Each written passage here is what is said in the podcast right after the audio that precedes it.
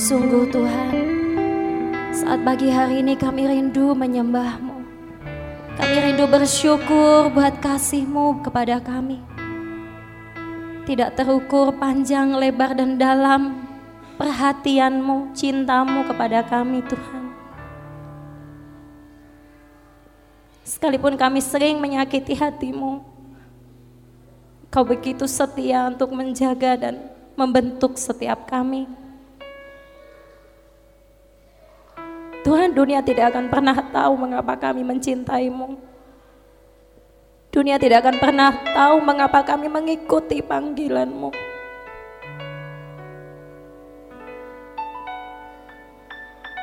Tapi sesungguhnya engkau melihat hati kami Tuhan.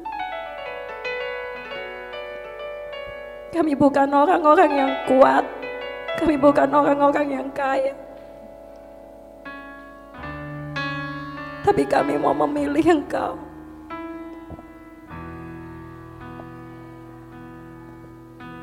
Kami mau memilih Engkau Tuhan. Karena Engkau sudah menyelamatkan setiap kami dari hidup kami yang sia-sia. Kau sudah menyelamatkan kami dengan darah yang kudus yang sering kami sia-siakan. Kami datang untuk berjumpa dengan Engkau Tuhan. Kami datang di tempat ini bukan untuk mendengar khotbah dari manusia. Kami datang untuk berjumpa dengan Engkau.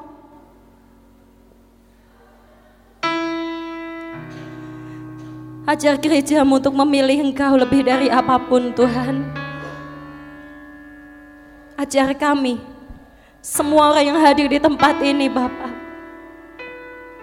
Untuk memilih Engkau lebih dari apa pun yang ada di bumi dan di surga. Sebab Engkau yang terbaik buat kami. Engkau tidak ada bandingannya dan Engkau tidak dapat disamakan dengan apa pun yang ada Tuhan. Mari Roh Kudus, cengkram tempat ini dengan hadiratmu, dengan kasihmu. Kami rindu berjalan bersama-sama Engkau. Jangan pernah tinggalkan kami.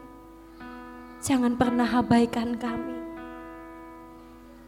Dengan hati yang rindu, dengan hati yang haus dan lapar akan Engkau dengan kerendahan hati. Kami rindu mendengar apa yang Kau mau. Bicaralah Roh Kudus. Mungkin sudah lama kami tidak mendengar suaramu. Mungkin selama ini kami hanya mendengar suara dari manusia, suara yang hanya kami dengar sepintas lalu, dan kami tidak benar-benar mau dengar suaramu. Roh Kudus buka telinga hati kami, mata kami, untuk melihat Engkau pagi hari ini. Hamba rindu kemuliaanmu menaungi kami. Hamba rindu roh yang bergairah itu turun atas kami. Kami rindukan Engkau Tuhan.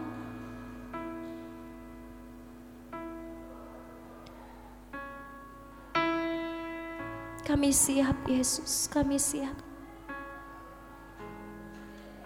Kami bukan hanya siap mau mendengar firman-Mu, tetapi kami mau siap belajar melakukannya.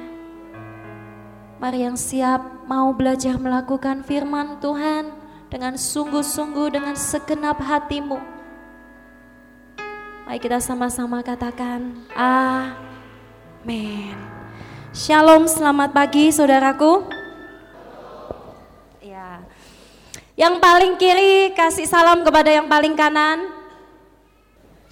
Mari saudaraku kita buka di dalam firman Tuhan di dalam Mazmur 78.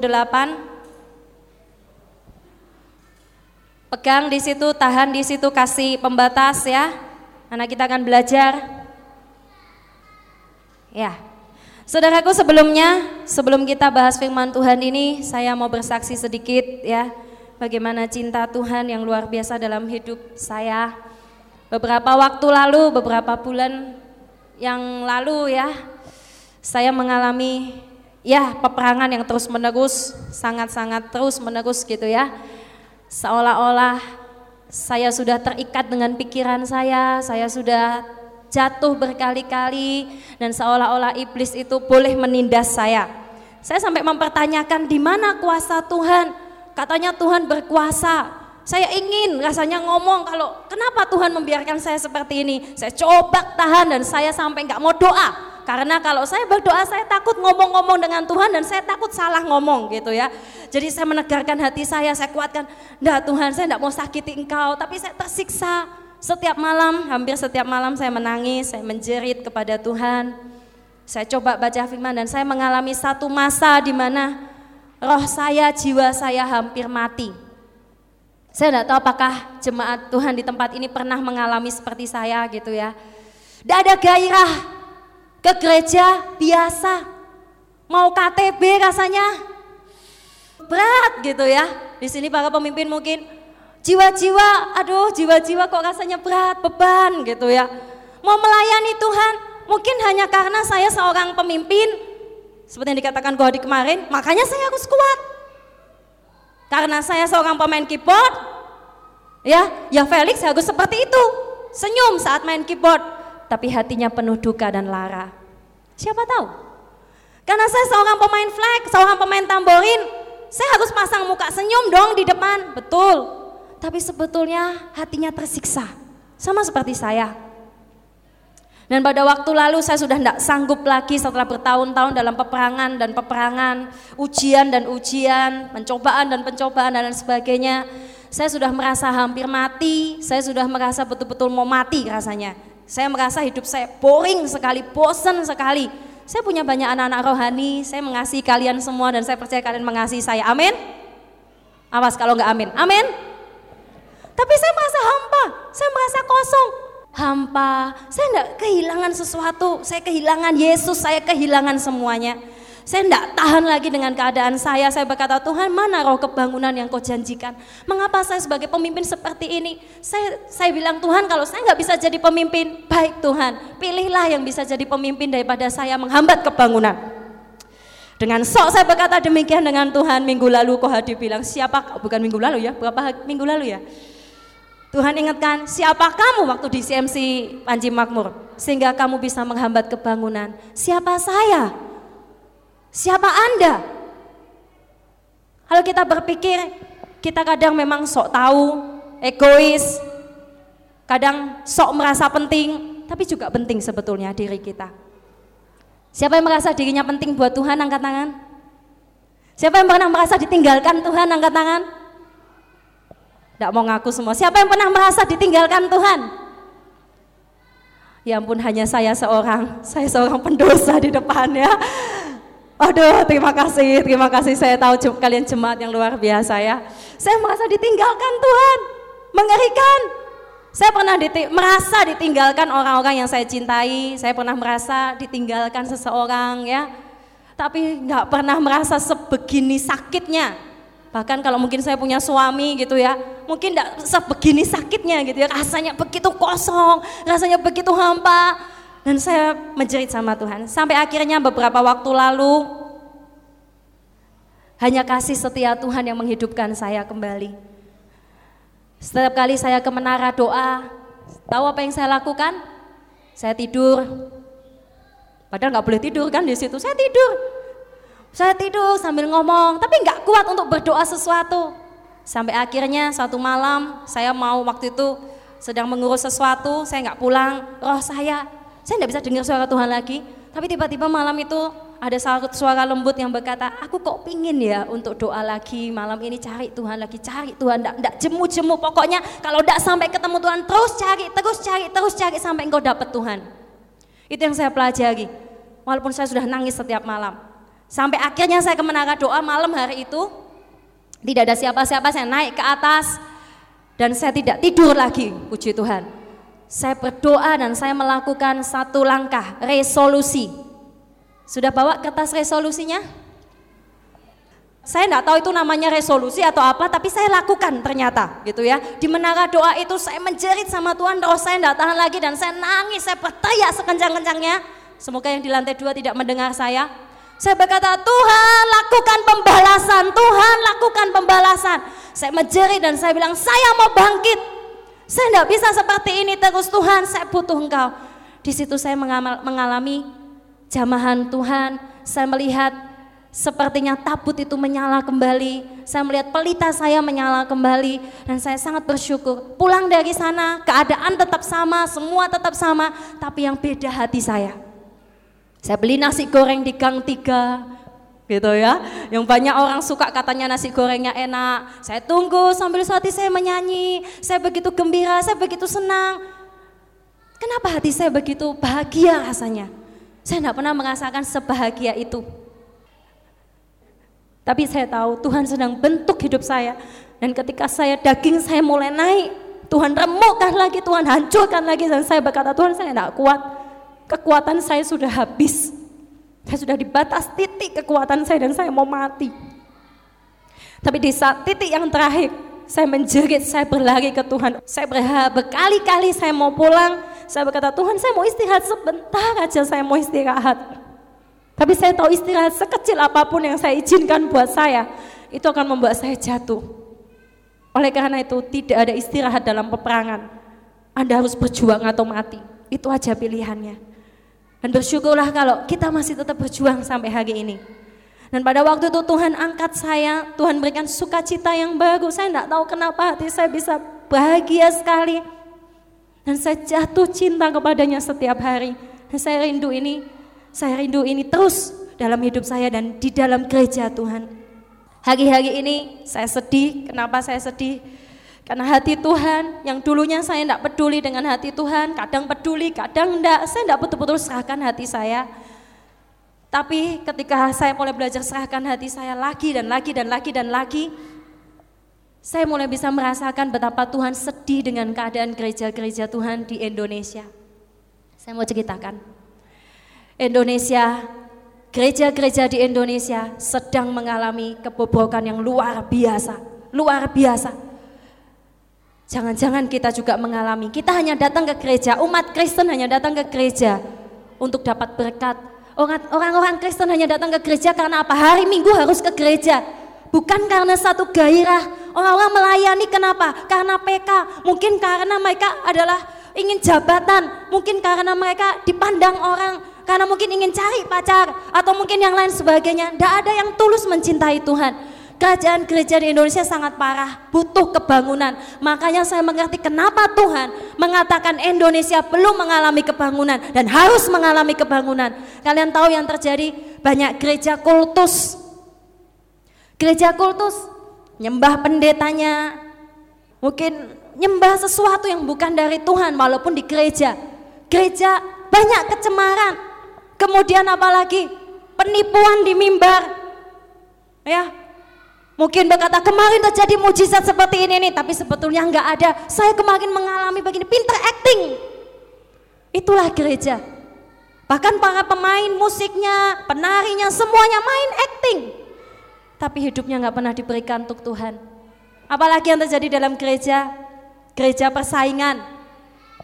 Juga seperti yang dikatakan minggu lalu, gereja satu mencela gereja lain, gereja ini mencela kalau ketemu dengan denominasi yang lain. Nah, ya.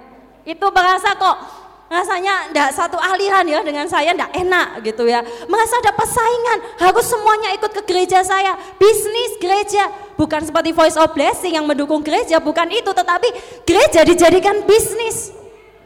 Banyak sekali yang terjadi.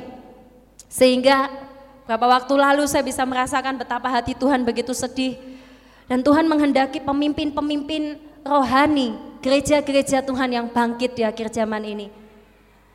Saudaraku dengarkan saya, oleh karena itu Tuhan sangat mengharapkan munculnya generasi muda yang ada di tempat ini, di Christ Mercy Center, Movement Center, Miracle Center, apa pun namanya, dan kalian untuk bangkit Ketika saya menyadari ini sudah tahun 2012, seminggu pertama saya merasa biasa saja. Saya tidak menutup tahun dengan gimana, buka tahun yang enggak gimana-gimana. Barusan minggu lalu saya baru merasakan terbuka mata saya.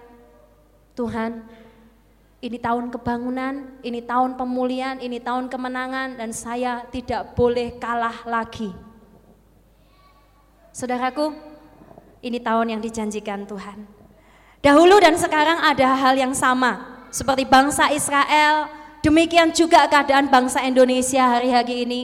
Seringkali ketika kita dikasihi Tuhan, kita simpang lagi, itulah kecenderungan kita. Kita suka nyimpang terus dari Tuhan. Sudah dikasihi kayak apa, sudah diberikan kesempatan kayak apa, sukanya kecenderungan kita tuh nyimpang, nyimpang dan nyimpang. Ya, dan oleh karena itu mari kita belajar di dalam Mazmur 78. Apa yang harus kita pelajari? Pelajaran dari sejarah. Ayat yang ke-8 mari kita lihat, kita baca, sudah dibuka semua. Dan jangan seperti nenek moyang mereka angkatan pendurhaka dan pemberontak. Yang pertama, mereka adalah angkatan yang pendurhaka dan pemberontak. Saudaraku jangan sampai setiap kita, ini teguran buat kita, kita berkata, ah saya baik-baik saja, saya orang yang baik, saya orang yang benar, saya cinta Tuhan, saya pelayanan, saya punya jabatan, saya rajin ke gereja. Tetapi sesungguhnya kita suka berontak sama Tuhan. Kita butuh kebangunan kalau demikian. Kita butuh pemulihan. Apa arti pemberontak? Tidak mau taat. Ketika Tuhan suruh sesuatu, kita melawan. Mungkin kita tidak ngomong langsung dari mulut kita, tapi kita sudah ada pemberontakan di hati kita. Dulu saya pikir saya bukan orang pemberontak, di rumah saya adalah tipe yang paling kalem, paling diam. Dikasih sate satu untuk makan, oke. Okay. Dibohongin seperti apa pun oke okay, gitu ya. Saking polosnya waktu kecil gitu ya. Saya ini orang yang terima, saya pikir, wah saya ini punya sifat yang baik ya. Tidak pernah berontak sama orang tua, dibilangin apa pun paling cuma nangis gitu ya. Sampai akhirnya di dalam Tuhan saya tahu saya pemberontak juga gitu ya. Walaupun hati saya ingin nuruti kehendak Tuhan, tapi ketika itu berbeda dengan keinginan saya, ya terutama dalam ujian-ujian yang cukup berat, kita berontak sama Tuhan. Apalagi bangsa Israel, tidak mau taat. Angkatan yang tidak tetap hati dan tidak setia jiwanya, perhatikan, garis bawahi, tidak tetap hati dan tidak setia jiwanya.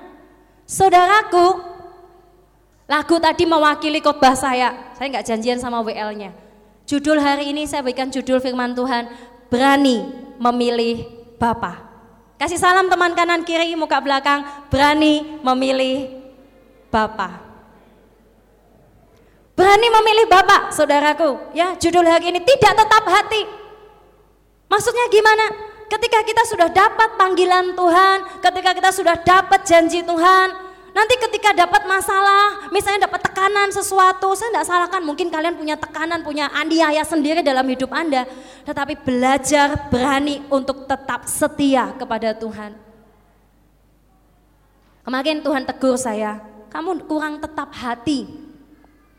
Kenapa? Ketika dulu saya cinta Tuhan, mula-mula saya nangis-nangis dan berkata, pakai saya Tuhan, pakai saya ke mana pun, di mana pun oke, pakai hidup saya, saya nggak pernah mau jadi orang biasa, anti. Saya mau jadi orang yang luar biasa, wah luar biasa, saya semangat. Tapi lama-kelamaan, perjanjian saya mula-mula dengan Tuhan mulai bergeser. Mungkin perjanjian mula-mula kalian dengan Tuhan mulai bergeser ketika lihat cewek cantik yang dulunya berserah gitu ya, dapat wajah kayak apa pun oke, yang penting rohnya cantik. Amin. Sekarang mulai bergesek. Tuhan, roh kan tidak kelihatan walaupun cantik, tapi wajah tuh kelihatan. Wajah juga penting Tuhan, ya. Mulai nego Tuhan. Ketika Tuhan mau kasih seseorang yang ha, mungkin ada kisah-kisah hamba Tuhan seperti itu ya, yang memang benar-benar cacat, wajahnya cacat, buta, tidak bisa ngomong misalnya. Duh Tuhan jangan, kita mulai berontak, kita mulai marah. Padahal awal perjanjiannya dulu dengan Tuhan tidak begitu. Enak nggak sih kalau kita suka ingkar, kalau ada teman kita suka mengingkari? Kalau ingkar janji sih oke. Okay. Kalau misalnya cuma janji beliin sesuatu oke okay lah kita pahami. Tapi kalau sampai janji, perjanjian dengan Tuhan, dan kita sudah memberikan hidup kita seperti yang saya pernah kasih ya. Tema bulan-bulan ini kan restoring the altar. Saya pernah katakan waktu di CMC sana, sering kali hati kita kita serahkan ke atas mesbah. Nanti kalau ada butuhnya, diapain? Diambil lagi. Nanti kalau sudah uh, kena sesuatu lagi, kena teguran lagi, kena hukuman Tuhan lagi, diapain lagi? Balikin lagi, emangnya peminjaman. Tuhan Yesus bukan peminjaman apa ya? Seperti locker gitu ya. Kalau saya butuh saya ambil, saya nggak butuh saya letain. Bangsa saya seperti itu loh. Apakah kalian seperti itu? Saya seperti itu. Dan kita perlu bertobat.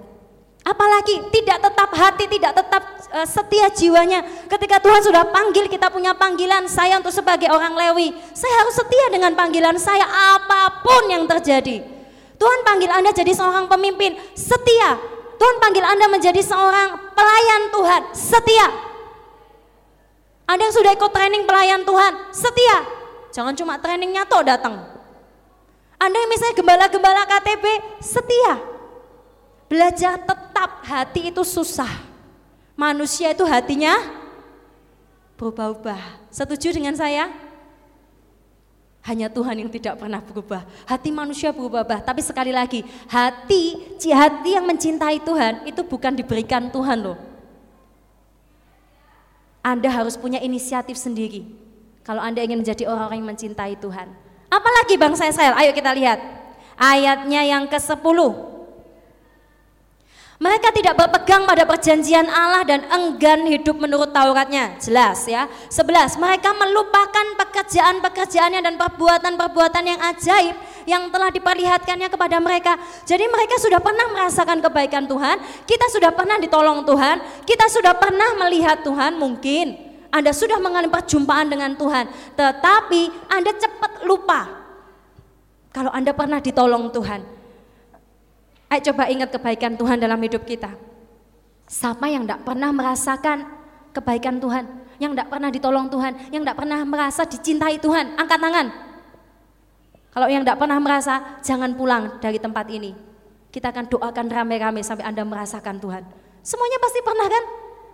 Kalau yang belum, ayo lahir baru, nanti Anda akan merasakan bagaimana kasih Tuhan.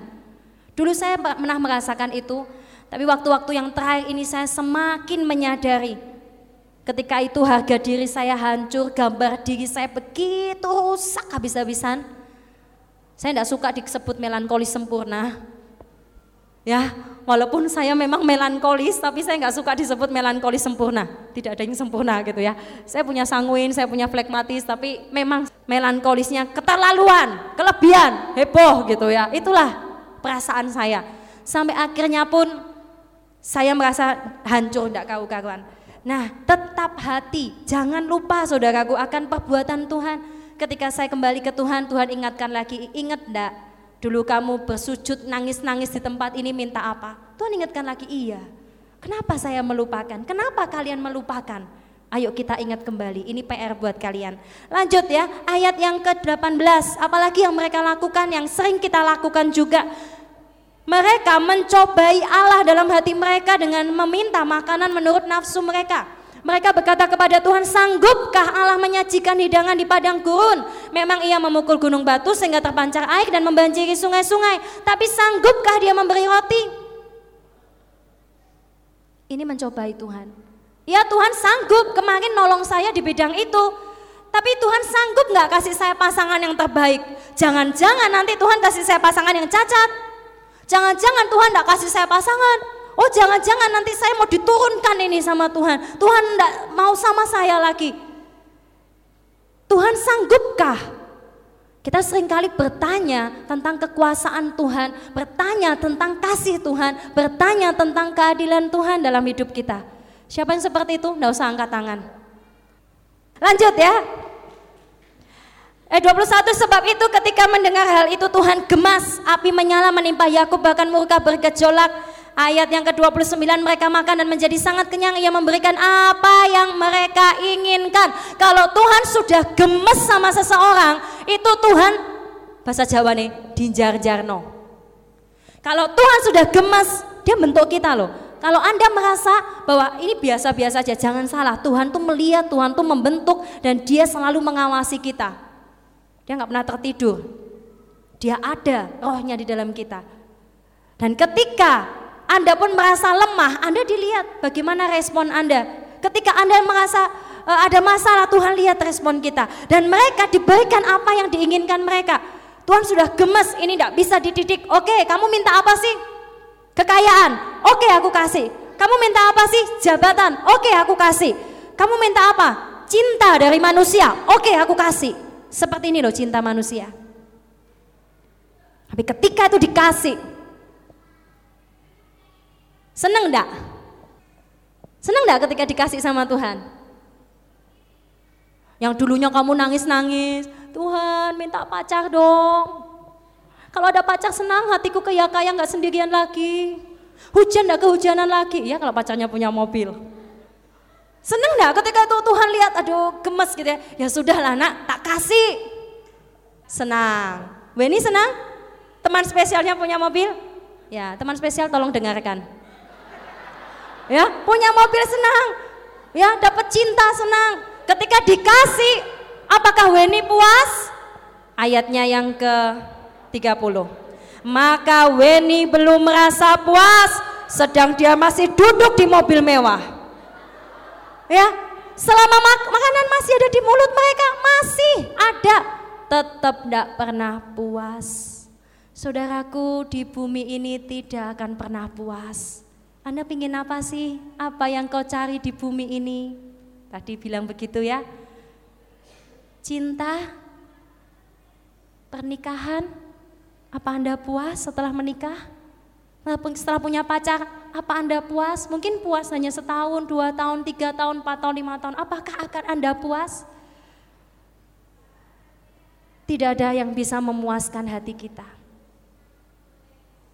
Kadang Tuhan membiarkan kita untuk mendapat apa yang kita inginkan bangsa Israel tetap tidak puas. Lalu apa yang terjadi? Bangkitlah murka Allah terhadap mereka. Ngamuk Tuhannya. Wah gawat kalau Tuhan sudah marah. Lalu kemudian setelah marah ayat 32 dikatakan masih tetap saja buat dosa. Setelah buat dosa lalu Tuhan bilang apa nih? Sebab itu Tuhan membuat sengaja membuat hari-hari mereka, tahun-tahun mereka berada di dalam kesia-siaan. Perhatikan. Mengapa hati kita kosong? Mengapa hidup kita tidak bergairah? Mengapa kita tidak mencintai Tuhan seperti dulu? Jangan salahin Tuhan. Ada yang salah dengan diri kita, ada yang salah dengan doa-doa kita. Ada yang salah dengan sikap hati kita. Sampai Tuhan membuat hidup kita, hari-hari kita dibiarkan sengaja di dalam kekosongan, kesia-siaan, hampa. Itu mengerikan sekali. Tahun ini saya rindu ini tidak menjadi tahun sia-sia buat saya. Siapa yang mau, mari berlari bersama-sama saya, bersama gembala dan bersama kita semuanya. Tahun ini tahun penuaian, tahun ini tahun pembukaan pintu gerbang naga, memasuki dan merebut jalan, merebut para tawanan. Dan kita harus lakukan ini. Apa yang terjadi? Ayat 34, apabila ia membunuh mereka, maka mereka mencari dia, nangis-nangis lagi sama Tuhan. Mereka berbalik lalu mengingini Allah, lalu mereka membuat paduan suara besar dan berkatakan, "Kau yang kuingini." Setelah mereka dipukul, nyanyinya gitu lagi. Lihat sikap hati seperti ini. Jangan sampai kita jemaat CMC yang pertama datang maupun yang beberapa kali datang maupun yang sudah lama dari awal sampai sekarang, tidak ada pertumbuhan, tetap sama. Ketika dipukul balik lagi ya Tuhan, tapi nanti balik lagi gitu ya. Capek. Setuju? Pasti capek. Ayo lagi ya, lanjut ya. Ayat 36 ketika mereka sudah nangis-nangis berbalik mencari Tuhan ya. Lalu mereka ingat lagi, oh ya Tuhan tuh gunung batuku, Tuhan itu penebusku. Lalu mereka memperdaya dia dengan mulutnya, aku mencintaimu Tuhan, apa pun akan kuberikan untukmu lagi Tuhan, aku mau ikuti panggilanmu Tuhan. Lalu apalagi dengan lidahnya mereka membohongi dia 37, hati mereka tidak tetap kepada dia.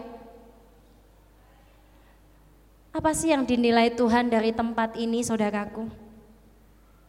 Saya nangis kemarin hari apa ya, waktu itu setelah saya mendengar berita tentang keadaan gereja-gereja di Indonesia, waktu itu tengah malam, saya sambil setengah-setengah sedar, jadi saya nggak bisa nangis. Saya cuma bisa mengerang dalam tidur saya, Bapak, Bu gitu Tuhan, jangan, kok kok gitu gitu ya. Baru pagi setelah saya sadar, saya ingat-ingat lagi semalam tuh ngomong apa gitu, semalam tuh saya dapat apa. Dan saya berdoa, Tuhan, kok seperti ini gitu ya keadaan gereja di Indonesia. Lalu Gereja seperti apa yang kau inginkan? Orang-orang seperti apa yang sebetulnya Tuhan cari? Dan apa yang sedang Tuhan lihat dari gereja ini? Saya mau kasih tahu, selama masih ada hati yang rindu untuk menyenangkan Tuhan, rindu mencintai Tuhan, Tuhan akan tetap pertahankan orang itu. Perhatikan kata-kata saya. Ayo semua jangan ngantuk. Selama masih ada hati yang rindu mencintai dan ingin menyenangkan Tuhan, sekalipun dalam garis bawahi, garis miring, walaupun kamu belum merasa kamu bisa, tetapi asal kau punya kerinduan itu, Tuhan akan tetap pertahanin kamu mati-matian. Karena hari-hari terakhir ini, tidak banyak orang yang berani memilih Bapa. Mereka memilih keluarga, mereka memilih cinta, mereka memilih kekayaan, mereka memilih kesibukan mereka, mereka tidak memilih Tuhan. Saya nangis sama Tuhan, kemarin saya marah dalam doa saya. Tuhan kau tidak layak diperlakukan seperti itu oleh saya maupun oleh gereja-gereja walaupun oleh Anda. Tuhan gak layak dapat yang buruk, Tuhan layak dapat yang terbaik. Tuhan gak layak diperlakukan di semena-mena seolah-olah dipermainkan oleh orang-orang yang dicintai Tuhan. Enak gak sih dipermainkan? Gak enak. Tapi sering kali kita mempermainkan Tuhan loh. Ayo belajar tetap hati, belajar Tuhan masih mencari di tempat ini. Ketika saya ingat kalian semuanya, apa sih yang Tuhan cari di antara anak-anakku Tuhan? hati yang mencintai dan menginginkan Tuhan, yang merindukan untuk menyenangkan Tuhan. Saya mau tanya, angkat yang tinggi, jangan malu-malu. Yang pingin menyenangkan hati Bapak, angkat tangan. Angkat tangan yang tinggi, tidak usah malu ini. Kemudian kasih tos teman kanan kirimu, sama. Betul ya? Walaupun kalian masih rohaninya umur dua bulan, tiga bulan, setahun, ataupun mungkin sudah 60 tahun, nggak ada gitu ya. Berapapun umur rohani Anda, Anda harus tetap punya kerinduan ini mencintai, belajar rindu, rindu kejar Tuhan. Ayo ini sudah mau selesai ya. Lanjut ya. Hati mereka tidak tetap pada dia dan mereka tidak setia pada perjanjiannya. Tetapi ia bersifat penyayang. Lihat Tuhan. Ajaib sekali Tuhan kita itu ya. Sudah diperlakukan kayak apa pun. Dia tetap menyayangi, mengampuni. Lalu lihat ayatnya yang ke-52. Disuruhnya umatnya berangkat seperti domba-domba, dipimpinnya mereka seperti kawanan hewan di padang gurun. Lalu ayatnya yang ke 57. Lihat, mereka mencobai lagi, mereka memperdaya lagi, mereka menyakiti hati Tuhan lagi. Ayat yang ke-58, sehingga Tuhan cemburu. Buat Tuhan cemburu sampai akhirnya 61. Ia membiarkan kekuatannya tertawan, membiarkan kehormatannya jatuh ke tangan lawan. Saya dapat ayat ini saudaraku, itu artinya begini. Tuhan seolah-olah menahan kekuatannya, dia menahan kehormatannya, dia menawan kemuliaannya dan tidak menunjukkannya itu.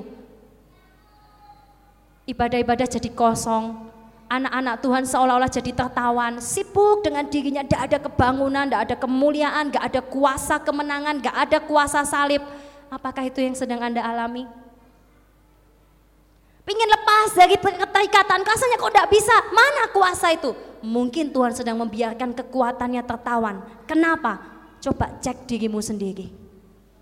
Lalu apa yang terjadi? Ini kabar gembira hari ini sebelum kita tutup. 65. Lalu, ayo baca sama-sama. Lalu terjagalah Tuhan seperti orang yang tertidur seperti pahlawan yang siuman dari mabuk anggur. Ia memukul mundur pahlawannya, ia menyebabkan mereka mendapat celah untuk selama-lamanya. Dia bangkit dan melakukan pembalasan. Saya dapat ayat ini dan saya percaya tidak lama lagi jika hati Anda kembali kepada Tuhan, kuasa kebangkitan, kuasa salib, kuasa kemuliaan Tuhan akan menyertai kita. Anda tidak akan pernah jadi orang yang sama lagi. Ada amin? Karena Tuhan sudah bangkit. Lalu apa yang terjadi? Ia menolak Yusuf. Efraim tidak dipilih. Ia memilih Yehuda. Kenapa Tuhan pilih Yehuda? Ayat 70. Karena Daud. Kenapa Daud? Dia orang yang tulus lemah, kuat, jatuh ataupun apa pun, dia tulus sama Tuhan. Ayo kita belajar seperti itu ya. Saya undang pemain musik, ayo. Sudah sampai situ aja. Lihat itu ayat yang ke-72. Kalian bisa baca sendiri ya. Nanti kalau kalian ingin mendalami lihat lagi sekali lagi. Ini PR buat kita. Mari kita tutup Alkitab kita dulu, kita renungkan firman Tuhan. Kita tundukkan kepala. Tidak banyak orang Kristen atau anak-anak Tuhan yang sudah ditebus oleh Tuhan, yang sudah dicintai Tuhan, mau untuk membalas kasih Tuhan. Tidak banyak orang-orang yang dipilih oleh Tuhan yang sudah diangkat oleh Tuhan, yang memperhatikan hati Tuhan. Ini pesan yang saya bawa pada pagi hari ini yang Tuhan sampaikan kepada kita semuanya. Belajar peduli akan hati Tuhan. Sementara saya sibuk dengan diri saya. Sementara Anda sibuk dengan pekerjaan, keluarga, dengan kuliah mungkin, atau dengan pelayanan. Tuhan sedang menangisi umatnya. Tuhan sedang menahan kekuatannya. Dia sedang menahan kemuliaannya dan membiarkan kemuliaannya, kekuatannya tertawan.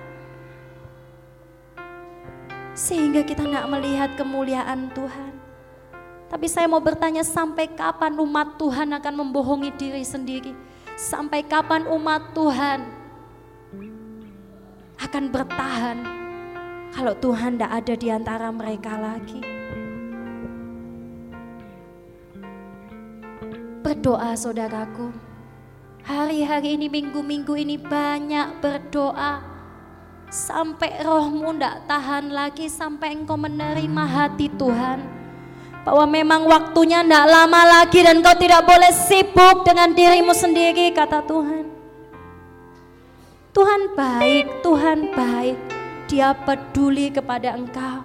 Dia peduli akan masalahmu dengan keluargamu. Mungkin kau harus memilih antara Tuhan atau keluarga. Tuhan mengerti air matamu. Tuhan tahu kau mengasihi mereka. Tetapi Tuhan merindukan di mana orang-orang yang berani untuk memilih Tuhan. Apakah ada orang-orang itu di tempat ini? Dari sekian banyak orang yang hadir di tempat ini pagi hari ini, siang hari ini. Berapa banyak yang mau memilih Tuhan? Tuhan bentuk saya, Tuhan hancurkan saya beberapa waktu, Tuhan hancurkan saya beberapa tahun. Hanya untuk membuat saya untuk berani belajar untuk memilih Tuhan. Mari renungkan. Renungkan. Siapa yang kau cintai? Apa yang kau cintai? Sehingga itu begitu mempesona hatimu.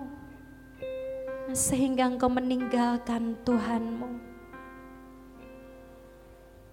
Dia tidak ternilai dia segala-galanya buat kita. Dapatkah dia dibandingkan dengan emas dan perak? Dapatkah dia dibandingkan dengan rumah yang mewah, yang mahal? Dapatkah dia dibandingkan dengan istri atau suami? Dapatkah dia dibandingkan dengan segala sesuatu?